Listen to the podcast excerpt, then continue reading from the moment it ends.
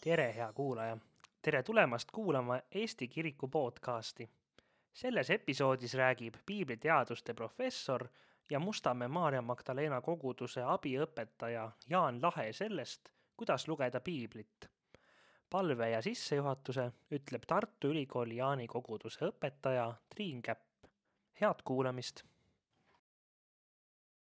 taevane isa, suur tänu, et sa oled meid kokku toonud. aitäh, et sa oled andnud oma sõna ja andnud, andnud meile võimaluse seda ka tõlgendada, seda uurida, seda otsida ja püüda mõista. anna meile ka täna õhtul avatud meelt olla siin üheskoos ja, ja püüda üha rohkem aru saada seda, mida sina meile tänases päevas öelda tahad. õnnista igaühte, kes on tulnud ja kes on ka kodus ja meie peale täna mõtleb. aamen. nii, aga siis annaks Jaan sõna sulle, et mis sul mõttes mõlgub, et alguses siis Jaan veidi räägib ja siis saame küsimusi esitada ja arutada. kas sa tutvustama ei pea mind? Eh, ma olen sind juba saanud saada kõigile info, et sa oled piibliteaduste professor, nii et eh, ma arvan, et see ongi nagu kõige olulisem. ma õpetan kolmes õppeasutuses Eestis, ma olen Tartu Ülikooli usuteaduskonna religiooniuuringute kaasprofessor. aga kuna minu eriala on ühtlasi ka Uue Testamendi teadus, siis äh, ma ei õpeta mitte ainult äh, mittekristlikke religioonidega seotud kursusi siin, vaid ka näiteks praegu õpetan äh, piibliteoloogia kursust, mis on kohe lõppemas sellel reedel. Ja samal ajal olen ma Usuteaduse Instituudis piibliteaduste professor spetsialiseerumisega Uue Testamendi ajastuloole ja õpetan ka Tallinna Ülikoolis väikse koormusega ja seal on minu ametinimetuseks äh, kultuuri- ja religiooniuuringute dotsent. ja minu neljas amet on äh, Mustamäe Maarja Magdalena koguduses, kus ma olen siis koguduse abiõpetaja, koguduse äh, initsiatiivgrupi rajamise ajast alates juba siis juba kolmeteistkümnes aasta nüüd jookseb. olen töötanud siis selle koguduse juures ja viin selle koguduse juures regulaarselt läbi ka piibliga seotud seminare, mis toimuvad mul iga kuu. Ja nüüd äh, reklaamina nii palju ütlen, et äh, selle kuu lõpul algab uus seminaride sari äh, mille pealkirjaks on mitmeti tõlgendatavad salmid piiblis ja me vaatame seal selliseid salme nagu, mille tõlgendamise osas on väga palju eriarvamusi, mille tõlkimise puhul on erinevaid võimalusi ja on mõeldud, et läbi aasta siis see sari toimub. nii et mul on kaks eriala, ma olen siis religiooniloolane, olen teoloog ja äh, tegelen siis äh, Rooma keisririigi ajastu religioonilooga, erinevate usundite kultustega Rooma riigis ja samal ajal olen tegelenud väga palju siis ka Uue Testamendi probleemidega. äh, ja äh, noh, laiemalt üldse siis küsimustega, mis puudutavad piibli hermeneutikat ehk siis äh, seda distsipliini, mis tegeleb piibli mõistmisega.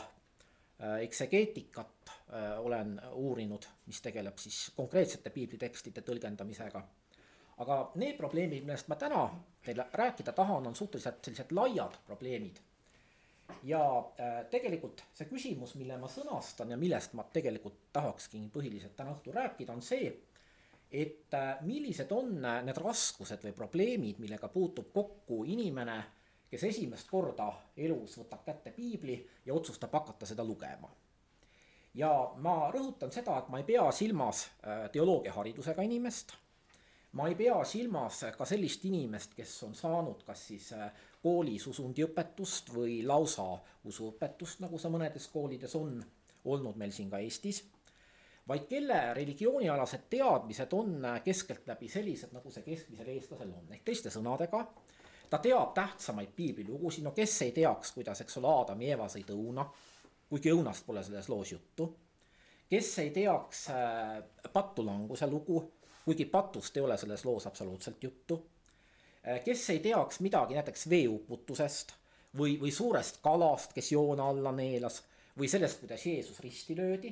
no need on meie kultuuri sellised nii-öelda aluslood, mida ma arvan, kõik inimesed sõltumata kooliharidusest on kuulnud.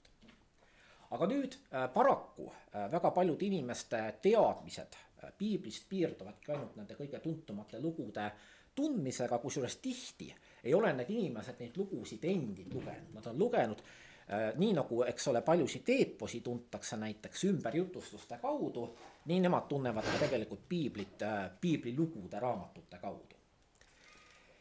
ja mis nüüd edasisse puutub, siis siin on hästi palju informatsiooni liikvel, internet on seda täis, kirjandus on seda täis aga paraku on nii, et äh, suur osa inimesi ei oska seda informatsiooni, mis piibli kohta liikvel on, hinnata.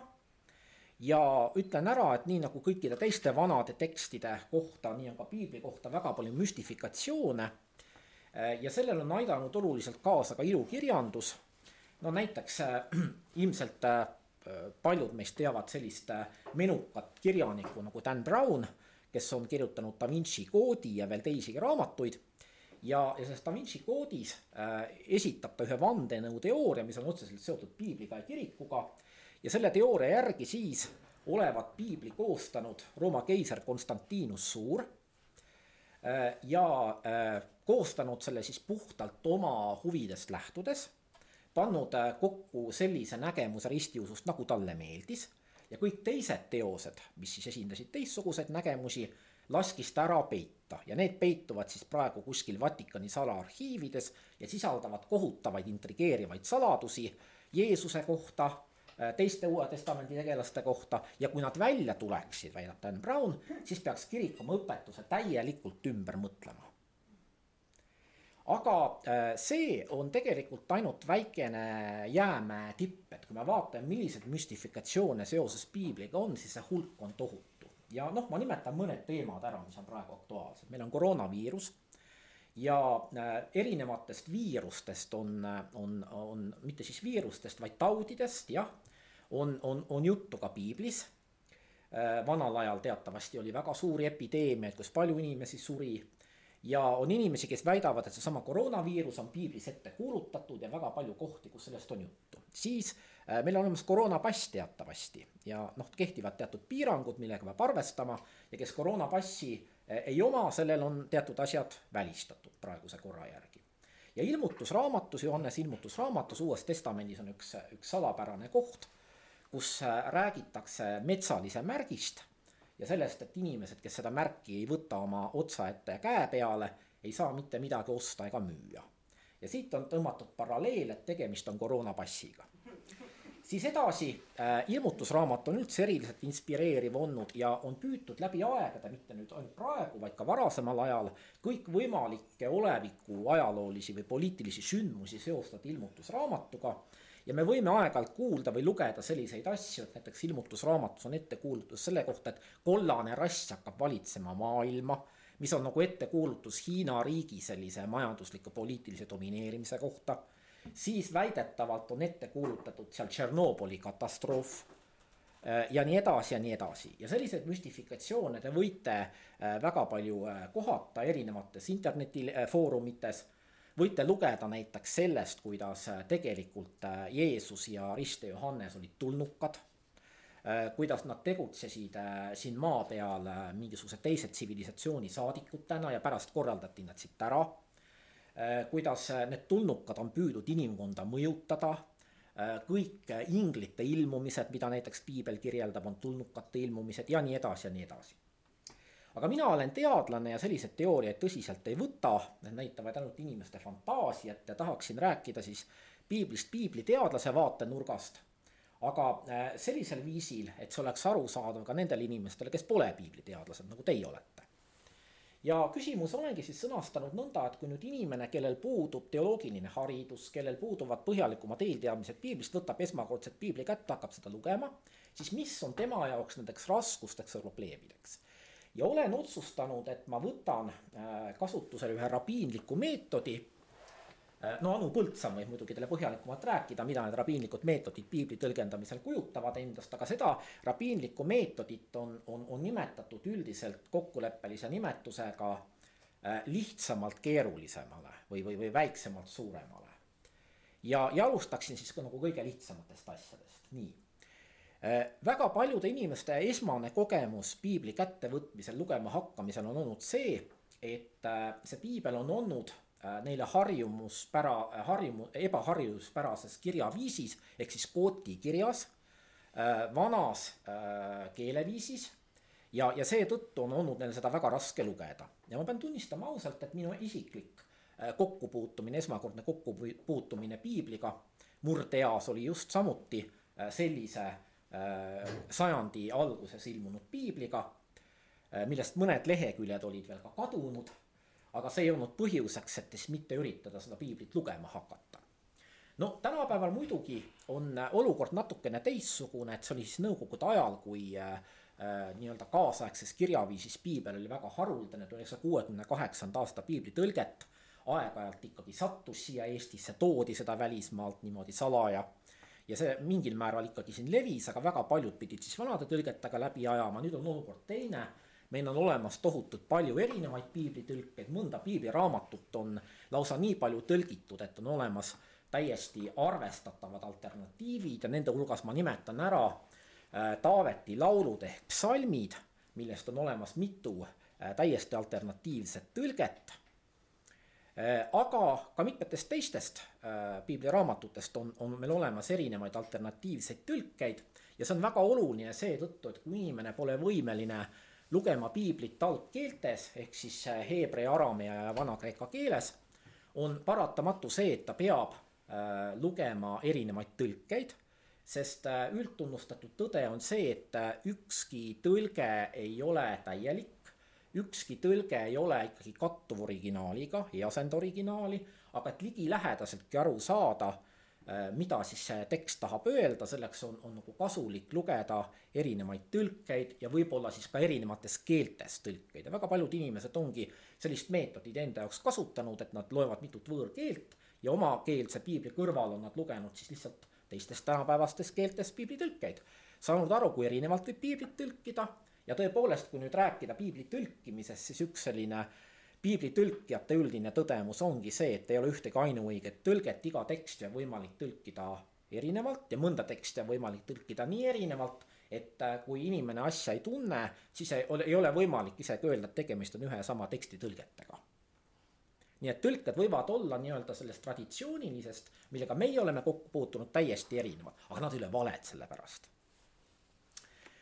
nüüd äh, teine probleem, millega inimene piiblit lugedes puutub kokku, on piibli keel ja see ei puuduta mitte ainult eesti keelt, kui me loeme piibli tõlget, et näiteks, et on, eks ole, mingisugune äh, sada aastat tagasi ilmunud tõlge, äh, keel on arhailine ja, ja sõnad eesti keeles on ka aja jooksul teinud väga palju muutusi läbi ja, ja, ja tähendavad midagi muud, kui nad tähendavad äh, tänapäeval. Ja noh, ma võin ühe näite tuua näiteks on äh, üks äh, äh, ütlus Uues Testamendis, et kui me kõik oleme teinud noh, mis, mis meie kohus on, et siis peame ütlema, et me oleme kõlvatud sulased või kõlvatumad sulased, nagu vanas tõlkes on, me oleme teinud seda, mis meie kohus on.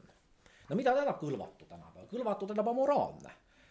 amoraalsed sulased siis või? Ei ole mõeldud seda, on mõeldud kõlbmatut, seda, kes ei kõlba millekski ja, ja, ja me peame lihtsalt teadma, äh, mis siis varasemas keeles selle kõlvatu tähendus oli, et me ei hakkaks selle sõna tänapäevast tähendust projitseerima sinna teksti. ja nii on paljude teiste äh, sõnadega ka.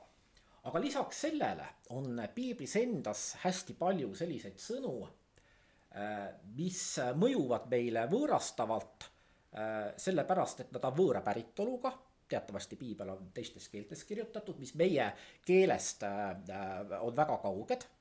ei ole eesti keelel mitte ühegi piiblikeelega otse sugulust. ja seetõttu on, on olemas nii-öelda piibli mõisted või terminid, äh, mida peab lihtsalt teadma, sest vastasel korral, kui nad ka eesti keelde on üle võetud, nad ei ütle mitte midagi sellele inimesele, kes nende tähendust ei tunne ja siit on tulnud see kuulus ütlemine et äh, piibli keel või ka üldse kiriku keel on tänapäeva inimese jaoks kaanani keel. no kaanani keelt kui sihukest pole tegelikult olemas, on, on, on, on, on olemas kaanani keeled, üks selline keelte rühm, eks ole, mis on semiidi keelte selline äh, al alarühm äh,. aga, aga igal juhul äh, ma olen kuulnud seda hästi palju, et noh, et piibli keel on tänapäeval inimesel nagu kaanani keel, no mõte on see, et, et ta ei kõneta äh,. aga äh, siin on just nimelt küsimus selles, et äh, piibel kasutab spetsiifilist terminoloogiat, spetsiifilist terminoloogiat, mis osaliselt on teoloogiline terminoloogia, aga osaliselt ta kasutab ka täiesti nii-öelda igapäevaelulisi mõisteid, mis, mis puudutavad olustikku, ütleme siis piibliaegset olustikku ja, ja, ja mida, mis sealt peab teadma selleks, et saada aru äh, sellest maailmast, kus nagu see piibli tegevus toimub. ja kui me mõtleme selle peale, et äh, Iisraeli kultuur noh, ütleme seal kolm tuhat aastat tagasi või, või, või, või siis äh, Kreeka-Rooma kultuur kaks tuhat aastat tagasi, mille, mille keskel Paulus tegutses, on ikkagi väga erinevad tänapäeva ütleme siis sellisest äh, Euroopa linnakultuurist. isegi antiikne linnakultuur on väga olu-, oluliselt erinev äh, tänapäeva linnakultuurist, noh kuigi teatud, ütleme, paralleelid on olemas ja selle kohta on varsti üks, üks tore raamat ka ilmumas, nimelt äh, olen tõlkinud ära äh, Rooma olustiku ajaloo entsüklopeedia mille, mille värsid on tõlkinud meie, meie latinist äh, Ivo Volt ja, ja lähinädalatel siis peaks tulema see raamat müügile, et äh, seal on väga põhjalik ülevaade antud äh, roomlaste igapäevaelust, kõikvõimalikest elunähtustest äh,. See raamat aitab kindlasti piiblit mõista, Uut Testamenti, seda maailma, kus Paulus elas ja tegutses, nii et ma soovitan selles mõttes kõigil kogudustel oma raamatukogusse ka selle muretseda, kui vähegi võimalik Äh, ja kõigil piiblihuvilistel seda lugeda, aga lihtsalt, äh, kui me loeme Jeesuse tähendamissõnu näiteks, seal on niivõrd palju erinevaid olustiku detaile, millega meie ei puutu kokku, mis on meie jaoks võõrastavad, no viinamäed näiteks, noh, me ei puutu niisuguse nähtusega kokku. Kui, äh, kui me käime näiteks Reinimaal aeg-ajalt, eks ole, siis me näeme küll, mis need viinamäed on. aga ütleme niimoodi, et Palestiina olustikus on nad olnud igapäevane nähtus või noh, mida, mida, mida äh, tänapäeva linnainimene näiteks loomade pidamisest või, või põllu harimisest, eks ole, teab.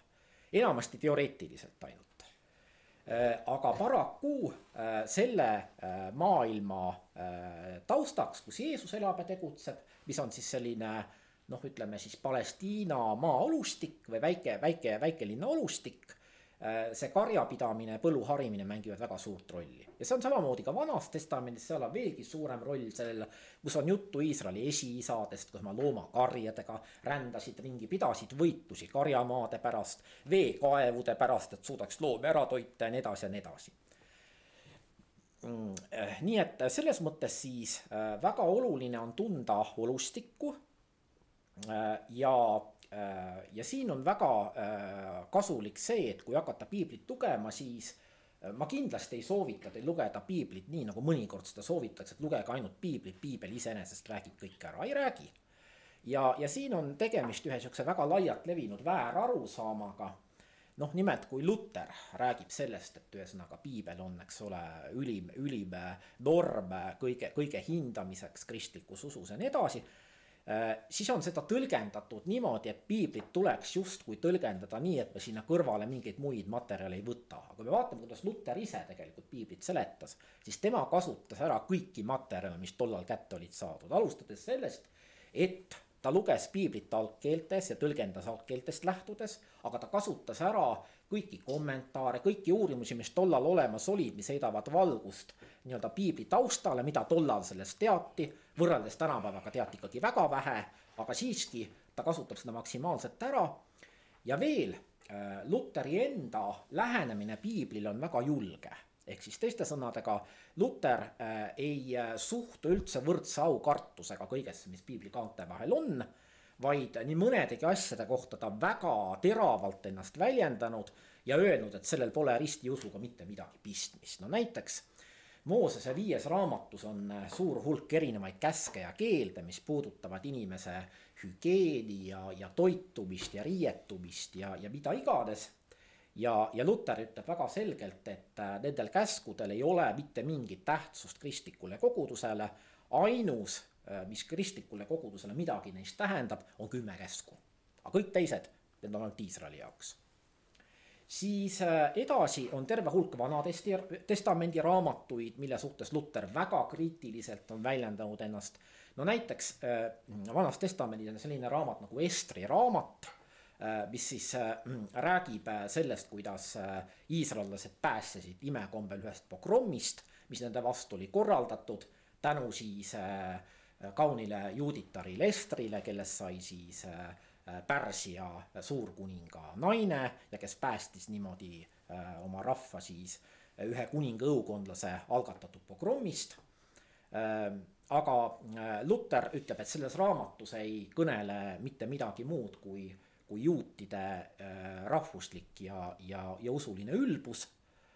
Luter teatavasti juutide aadressil väga teravat kriitikat tegi talle on tänapäeval antisemitismi ette heidetud, aga see pole päris asjakohane sest äh, kui me vaatame, milline oli suhtumine juutidesse Euroopas umbes aastal tuhat viissada, siis no valdavalt oli just selline, nagu Luter seda esindab. et selles mõttes ta ei ole midagi kurioosset. oli oluliselt suuremaid äh, juutide ründajaid tollal, kui, kui Luter võib öelda niimoodi ja varasemast ajast, kui me räägime, siis veelgi rohkem et selline juudi äh, kriitiline või, või poleemiline hoiak juutluse suhtes on tegelikult ristiusus algusest peale ja evangeeliumites hakkab see pihta, et tegelikult juba need Jeesuse konfliktid variseride kirjatundjatega peegeldavad tegelikult äh, noh, neil on kindlasti ka ajalooline alus, ilmselt oli Jeesusel konflikte nendega, aga, aga nad on kindlasti üle võimendatud äh, ja, ja kajastavad otseselt seda aega, kui need lood kirja pandi, evangeeliumite kirjutamise ajast pärit mis jääb Jeesuse ajast ju hilisemasse aega ja kui konflikt siis ühesõnaga juudi koguduse ja, ja kujuneva kiriku vahel oli juba väga terav.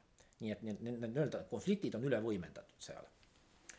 ja mis Uut Testamenti puudutab, siis siingi oli ju terve hulk raamatuid, mille suhtes Luter oli seisukohal, et need ei peaks seal Uues Testamendis üldse olema. ilmutusraamat oleks ta rahulikult välja heitnud ütleb, et äh, selle asemel, et kuulutada selgete sõnadega, nagu prohvet peab seda tegema, kirjeldab ta mingeid nägemusi seal, eks ole, mida saab tõlgendada mitut moodi. Äh, ja, ja muidugi rõhub sellele, et švermerid või, või usuinglejad kasutavad ilmutusraamatut ära, et oma fantastilisi uskumusi põhjendada. no nii nagu need koroonapassiga seotud asjad, mida ma siin nimetasin, tänapäeval täpselt sama Äh, Jakobuse kirja on ta välja äh, valmis heitma Uuest Testamendist, kuna talle tundub, et äh, usu ja tegude vahekorda ei mõisteta seal õigesti, kuigi tänapäevased eksegeedid ütleme, et, et Luter ei saanud sellest adekvaatselt aru. Hebra kirja on ta valmis välja heitma, kuna see eitab teise meeleparanduse võimalust pärast seda, kui on pöördunud ja nii edasi ja nii edasi. ja Uue Testamendi enda sees ka ei ole mitte nii, et kõik raamatud on on äh, nagu mõnede tänapäeva pagalaste jaoks võrdse kaaluga jumala sõna, vaid äh, Luteri jaoks on piiblil väga selgelt kese ja kese on evangeelium. ja evangeelium ei tähenda mitte nelja evangeeliumi raamatut, vaid tähendab sõnumit lunastusest Kristuses. ja ükskõik, kas seda kuulutab Paulus oma kirjades või kuulutab seda siis Jeesus ise äh, evangeeliumites äh,, see on see, mis on siis selle Uue Testamendi kese ja kõike äh, Uues Testamendis ja kogu piiblis tuleb hinnata selle järgi, kuidas äh, see muu suhestub siis selle põhisõnumi äh, või evangeeliumiga, kui ta seda esile toob, seletab, inimestele lähemale toob, siis ta on õige ja seda tuleb toetada. aga kõik see, mis, mis seda varjutab, pisendab, inimest sellest eemale viib, seda ei pea järgima nii et Luteri järgi on siis nõnda, et kui on piiblis siiski mingisugused asjad, mis inimest ristiusu põhisõnumile äh, lähemale ei too, siis tuleb tõsiselt arutada, kas neid asju on mõtet meil üldse rääkida, arutada. Äh, nad võivad ju piiblis olla, aga kas meil on mõtet juttusi nende üle pidada või pigem panna nad kõrvale kui oma ajast tingitud arusaamad. sest äh, see arusaam, et piiblis tuleb väga selgelt teha vahet selle vahel, mis on inimlik ja oma ajast oludest tingitud, mis on jumalik ja igavene, on tegelikult piibli uurimises olnud juba sajandeid endastmõistetavus. selle alusel õpetatakse äh, teoloogia mitte ainult äh, evangeelsetes usuteaduskondades, vaid ka katoliiklikes usuteaduskondades tänapäeval Rooma katoliku kiriku ja, ja, ja evangeelsete kirikute piibli uurimine ei erine mitte milleski väga palju suhtlen katoliku kolleegidega üle maailma, täpselt samu meetodeid kasutavad nad nagu mina ja jõuavad reeglina ka sarnaste tulemusteni. nii et äh, selles mõttes ei ole, ei ole nagu seda konfessioonide probleemi enam ammu mitte. nüüd äh, edasi, äh, mis on väga suur probleem tänapäeva inimesele, on piibli maailmapilt ja mõttemaailm.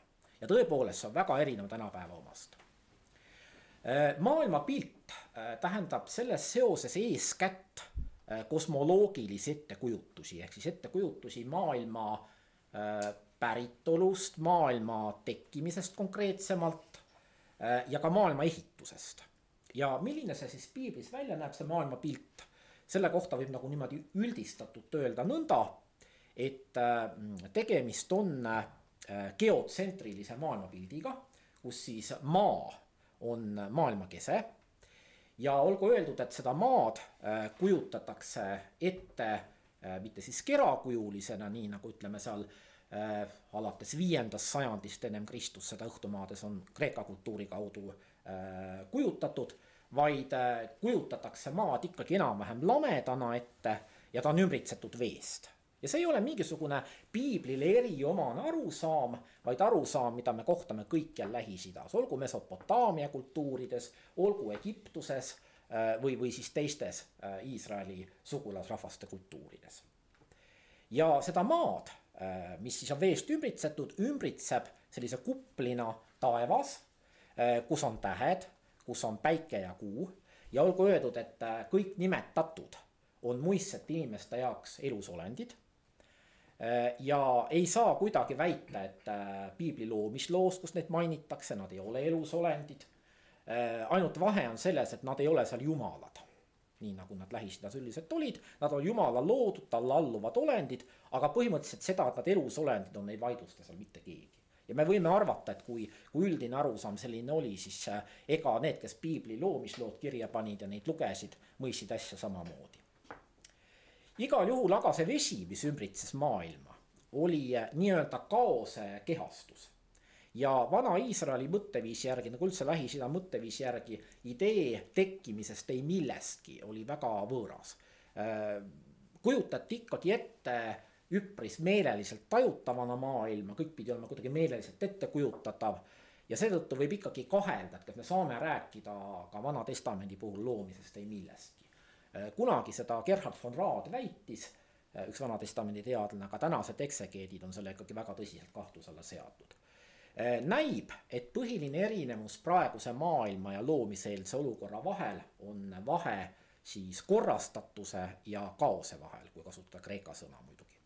Heebreakeelses äh, piiblis sellist sõna ei ole aga põhimõtteliselt see, mida see vesi kehastab, on lähedane sellele, mida siis kreeklased kaoseks nimetasid selline amorfne korratu olukord. ja mõte siis on see, et jumal loob korra, eraldab korra korratusest, kui ta eraldab luues kuiva maa veest, eraldab ta korra korratusest, aga pange tähele, see vesi ei kao kuhugi ära, ta jääb ümbritsema maailma ja on veeuputuslugu, kus räägitakse sellest, kuidas see vesi tungis maailma ja ujutas selle üle. ja kuigi on jumala tõotus pandud kirja veeuputusloo järel, et enam veeuputus ei tule maailma, siis see hirm et veed pääsevad lahti ja hävitavad elu maa peal. vanas testamendis on väga tugev, psalmides see ka avaldub ja palutakse ühesõnaga Jumalat, et ta kaitseks inimesi selle eest.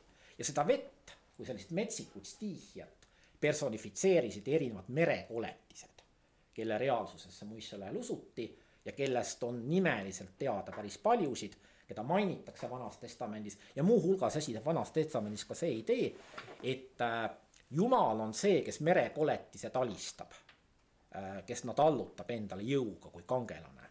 ja, ja mõte on siis see, et jumal allutab kaose jõud endale, loob kaosest korra.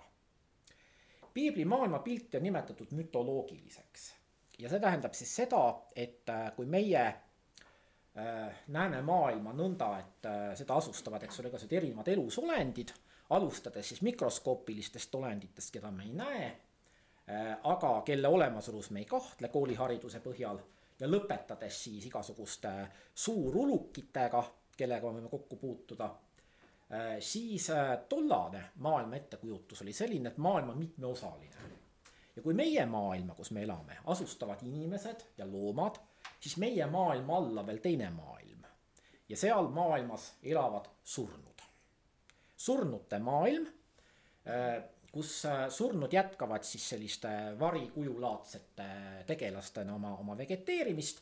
päris eluks seda nimetada ei, ei saa, mis seal, mis seal toimub, aga põhimõtteliselt selline surnute maailm äh, arvati olevat siis äh, äh, meie maa all.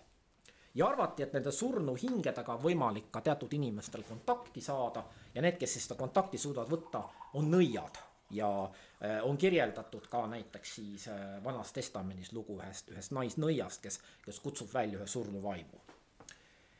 nüüd aga äh, meie kohal on teine maailm, eks ole, on, on siis see taevas ja seda taevast tasustavad omakorda teised olendid, erinevad jumalikud olendid ja selles taevas elab ka Jumal ise. üks esimese lauseid, kui ma omal ajal heebrea keelt õppima hakkasin kogu raamatust, mida pidin tõlkima Jürnas Kokla juures, kõlas nõnda, et äh,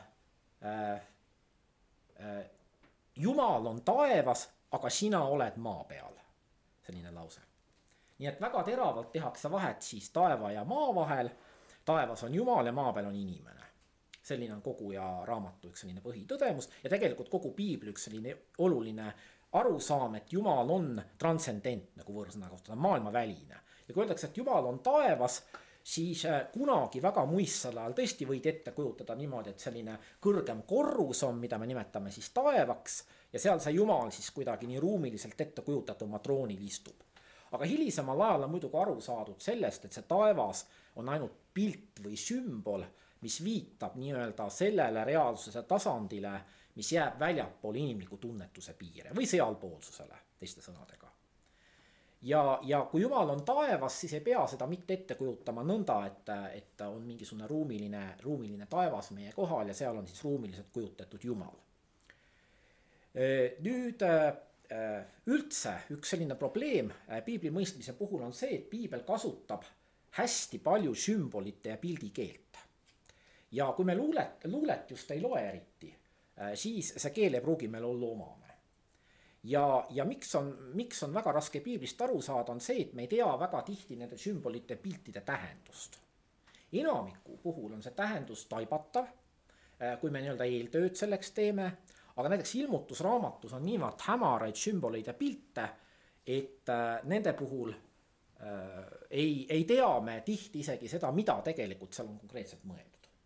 ja tõlgendatud on neid kohti siis muidugi väga fantastiliselt. Eh, aga noh, on sellised kindlad sümbolid, mida me teame, näiteks vesi on ambivalentne sümbol, ta on üheaegselt elu sümbol, eks ole, sest elu sünnib veest ja, ja vajab vett. teisest küljest on surma ja hävingu sümbol, veeuputusele mõtleme näiteks, eks ole, ja veelegusele, kaosest tihja kehastusele. Eh, aga äh, tegelikult tuleb nõus olla teoloog Paul Tillichiga, kes on öelnud, et praktiliselt kõik väited Jumala ja ja sealpoolsuse kohta, mida me piiblist leiame, on sümboolsed väljendid, mida me ei tohi sõna-sõnalt võtta. ehk siis, kui näiteks Jumala kohta öeldakse usutunnistuses, et äh, või Kristuse kohta öeldakse usutunnistuses, et ta istub Jumala paremal käel, siis kunstis on seda kujutatud ette küll nii, et on troon, kus istub inimkujuline Jumal ja paremal pool on teine troon, kus istub Kristus. aga kui me nüüd niimoodi sõna-sõnalt seda tõlgendama hakkame, äh, siis me ei saa ikkagi selle väljendi tähendusest aru ja selle väljendi tähendus on mõistetav Lähis-Ida kuninga tseremoniaali kontekstis, kus asevalitseja istus kuninga paremal käel. ja kui Kristuse kohta sama öeldakse, on mõte siis see, et ta saab osa sellest samast väest ja võimust ja hiilgusest, mis on Jumalal. aga mitte, et me peaksime ette kujutama, et on inimene Jumal, kellel on käed ja vaat, kes istub nii, nagu mina istun. ja Paul Tillich on öelnud, et äh, suur osa äh, probleemidest, mil, mida tänapäeva inimene on, on piiblit lugedes kogenud, on just nimelt see, et äh, piiblis leiduvad sümboleid ja pilte on tõlgendatud sõna-sõnaliselt, aga sellega ei ole äh, nende nii-öelda algne tähendus ikkagi adekvaatselt edasi antud. me ei mõista seda, kui me seda sõna-sõnalt tõlgendame. ja seetõttu juba tegelikult väga varasel ajal on hakatud piiblit tõlgendama nõnda, et seal on nähtud sümboleid, pilte, vihjeid ja see ei ole mingi tänapäeval iseloomulik lähenemisviis, vaid tegelikult piiblis endas juba hakkab selline piibli tõlgendus peale. kui me vaatame, kuidas Paulus tõlgendab Vana-testamendi lugusid, siis ta väga paljudes lugudes näeb nii-öelda sümboleid ja viiteid oma kaasajale, kristlikule kirikule, Uuele Testamendile, Kristusele mida meie sellisel kujul ei võtaks sealt tekstist kuidagi välja, kui meie praeguse loogikaga või tähendab praeguste teadmiste juures läheneksime nii piiblitekstile, siis võiks öelda, et see on meelevaldne piiblitõlgendus, aga nende inimeste jaoks, kes seda niimoodi tegid ja niimoodi nägid, me ei saa öelda, et nad tegid seda meelevaldselt. lihtsalt nende nii-öelda eeldused olid hoopis, hoopis teistsugused kui meil. lõpuks äh, tuleb äh, äh kindlasti veel äh, arvestada sellega, et see maailm kus piiblisündmused toimusid, see ühiskond ja kultuur on meie omast väga erinevad. ja tegelikult asi ei puuduta mitte olustiku detaile, mida väga hästi on võimalik niimoodi sõnaraamatute ja, ja entsüklopeediate, leksikonide ja kommentaaride abil endale selgeks teha, vaid ütleme niimoodi, et mentaliteet, selline üldine vaimne hoiak piiblimaailmas ja meie maailmas on, on erinevad. Ja aga samas äh, see hoiak äh, ei ole äh, muutunud nii ammu, et me, meil puuduks ajalooline mälestus sellest ja et see, see tunduks kohe nii võõrastav, et ei ole mitte kuidagi võimalik seda meil taluda. No võtame kasvõi näiteks sellise nähtuse, nagu seda on surmanuhtlus, eks ole, noh, me ütleme tänapäeval, et surmanuhtlus on selline karistus, mis on ebainimlik ja Euroopa Liidus on see ära kaotatud ja, ja väga paljud äh, humanistid on võidelnud selle eest, et kogu maailmas see ära kaotatakse, aga vot on riike, mis ei taha kaotada seda ära aga me mäletame tegelikult ikkagi seda aega, kui surmanuhtlus veel kriminaalkuritegude eest, raskete kuritegude eest oli täiesti äh, kasutusel ja surmaotsuseid viidi täide ka siin Eestis äh, tollases maailmas äh, surmanuhtlus ei olnud mitte midagi ekstreemset, vaid äh, oli üpriski laialt levinud karistus. Ja tegelikult äh, ütleme, suhtumine inimelusse oli, oli, oli palju, palju erinevam sellest, mis meie tänapäevases õhtumaises ühiskonnas on. see on kristluse mõju, et see suhtumine on selline, me räägime, et inimelu on püha, inimene on väärtus, isiksust, indiviidi tuleb väärtustada. aga tollane maailm oli väga kollektiivne inimene pidi alluma kollektiivi reeglitele, kui ta kollektiivi reeglitest kõrvale kaldus, tuli teda karistada. ja kui vaja, karistada surmaga ja selles ei nähtud midagi ekstreemset. selle ühiskonna korra hoidmine oli täiesti aktsepteeritav. noh, ja siis võiks näiteks võtta sellise asja nagu äh, füüsiline vägivald laste kasvatamise vahendina. noh, jällegi tänapäeval täiesti taunitud, aga see ei ole kauge minevik, kui vitsa lastele anti. nii et selles mõttes siis äh, äh, ei, ei ole see piiblimaailm sugugi nii ületamatult võõrastav meie jaoks, isegi kui praeguses õhtumaises ühiskonnas valitsevad hoiakud äh, on, on, on justkui midagi muud. Piiblimaailmale on ette heidetud väga suurt vägivaldsust ja tõepoolest äh, me näeme piiblis väga palju vägivalda. see vägivald ei ole sugugi väiksem, kui me seda inimkonna ajaloos kohtame, aga olgu öeldud, et äh, jällegi see muudatus ei ole Äh, midagi väga sellist järsku, nimelt on niisugune autor nagu Norbert Elias, kes on kirjutanud raamatu tsiviliseerumisprotsessist ja tema väidab siis seda, et kuni varase uusajani Euroopas oli elu väga karm, ühesõnaga vägivald erinevates vormides, mitte ainult ütleme surmanuhtlus, vaid ka näiteks lihtsalt inimeste igapäevastes suhetes füüsiline vägivald oli tolereeritud. ja ta oli väga sagedane tänapäeval teda tuleb ka ette, aga ta pole tolereeritud ametlikult. ja ta väidab siis seda, see Elias, et varasel uusajal esmalt aadiringkondades hakkas toimuma see, mida võiks nimetada kommete peenenemiseks, ehk ideaaliks saab siis see, et noh, et ei käituta, ei käituta enam niimoodi toorelt ja, ja julmalt austatakse teatud reegleid ja, ja nõrgemale ühesõnaga tullakse vastu ja nii edasi ja nii edasi. aga selleks, et see arusaam võiks nii-öelda juurduda inimeste hulgas, läks veel palju aega, nii et see on suusaegne nähtus. ja, ja, ja kui me räägime piiblimaailmast, siis ta ei ole selles mõttes midagi erinevat noh, tollasest üldisest maailmast, kus äh, vägivald oli üldiselt aktsepteeritav ja selliseid asju, mis nagu mentaliteedi pinnal võivad väga võõrastavad tunduda Äh, võib leida piiblist väga palju, aga siis me lihtsalt peame nii-öelda oma arusaamad sellest, mis on õige ja normaalne, kõrvale heitma ja püüdma süveneda siis äh, sellesse teksti, aga mida ma lõpetuseks tahan öelda, on siis see, et kuigi piibel pole kerge lugemine, isegi äh, abivahenditega mitte, siis minu arvamus on selline, et ei ole mitte ühtegi kultuuriteksti, mis on meie käsutuses, mida meil teatud eeldustel ja teatud Äh, ütleme, hea tahtmise juures poleks võimalik mõista.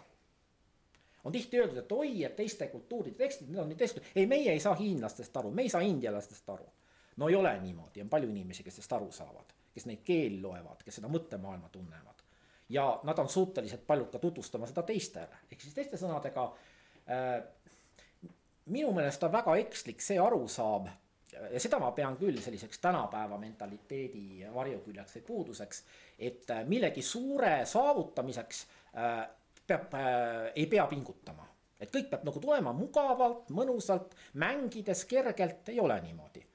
kõik tõelised asjad tulevad läbi raskuste iga, iga ühesõnaga tõeline eesmärk vajab panustamist, pingutamist ja nii on ka piiblist arusaamisega, selleks on vaja vaeva näha ja pingutada. aga see pingutamine on väärt, sõltumata sellest, kas me võtame piiblit jumala sõna ilmutusena või mitte, igal juhul vaimselt rikastab meid see, kui me piiblit mõistame ja tunneme, aga selle nimel siis on meil vaja pingutada aga see pingutus on kindlasti väärt, nii et kui teil vähegi piibli vastu huvi on, mina julgustan teid pingutama, julgustan teid kõiki abivahendeid kasutama ja alati nõu ja abi küsima nende inimeste käest, kes on siis teoloogilist haridust saanud, kes on piiblit põhjalikult õppinud.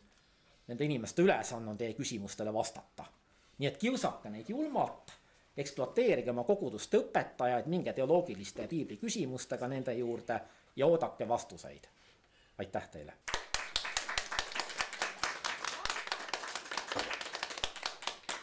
et tõesti suur-suur tänu tulemast ja, ja, ja mulle ka väga meeldis, et niipea kui ma, kui ma nüüd ütlesin, et kas sa oled nõus tulema, siis ütlesid loomulikult nii et aitäh. aitäh, aitäh teile ka. suur tänu. Aitäh. kuulamast piibliteaduste professori Mustamäe koguduse abiõpetaja Jaan Lahe loengut teemal Kuidas lugeda piiblit, mis on salvestatud kaheksateistkümnendal jaanuaril kahe tuhande kahekümne teisel aastal Tartu Jaani kirikus loengu salvestas Joonas Tanilo. kõike head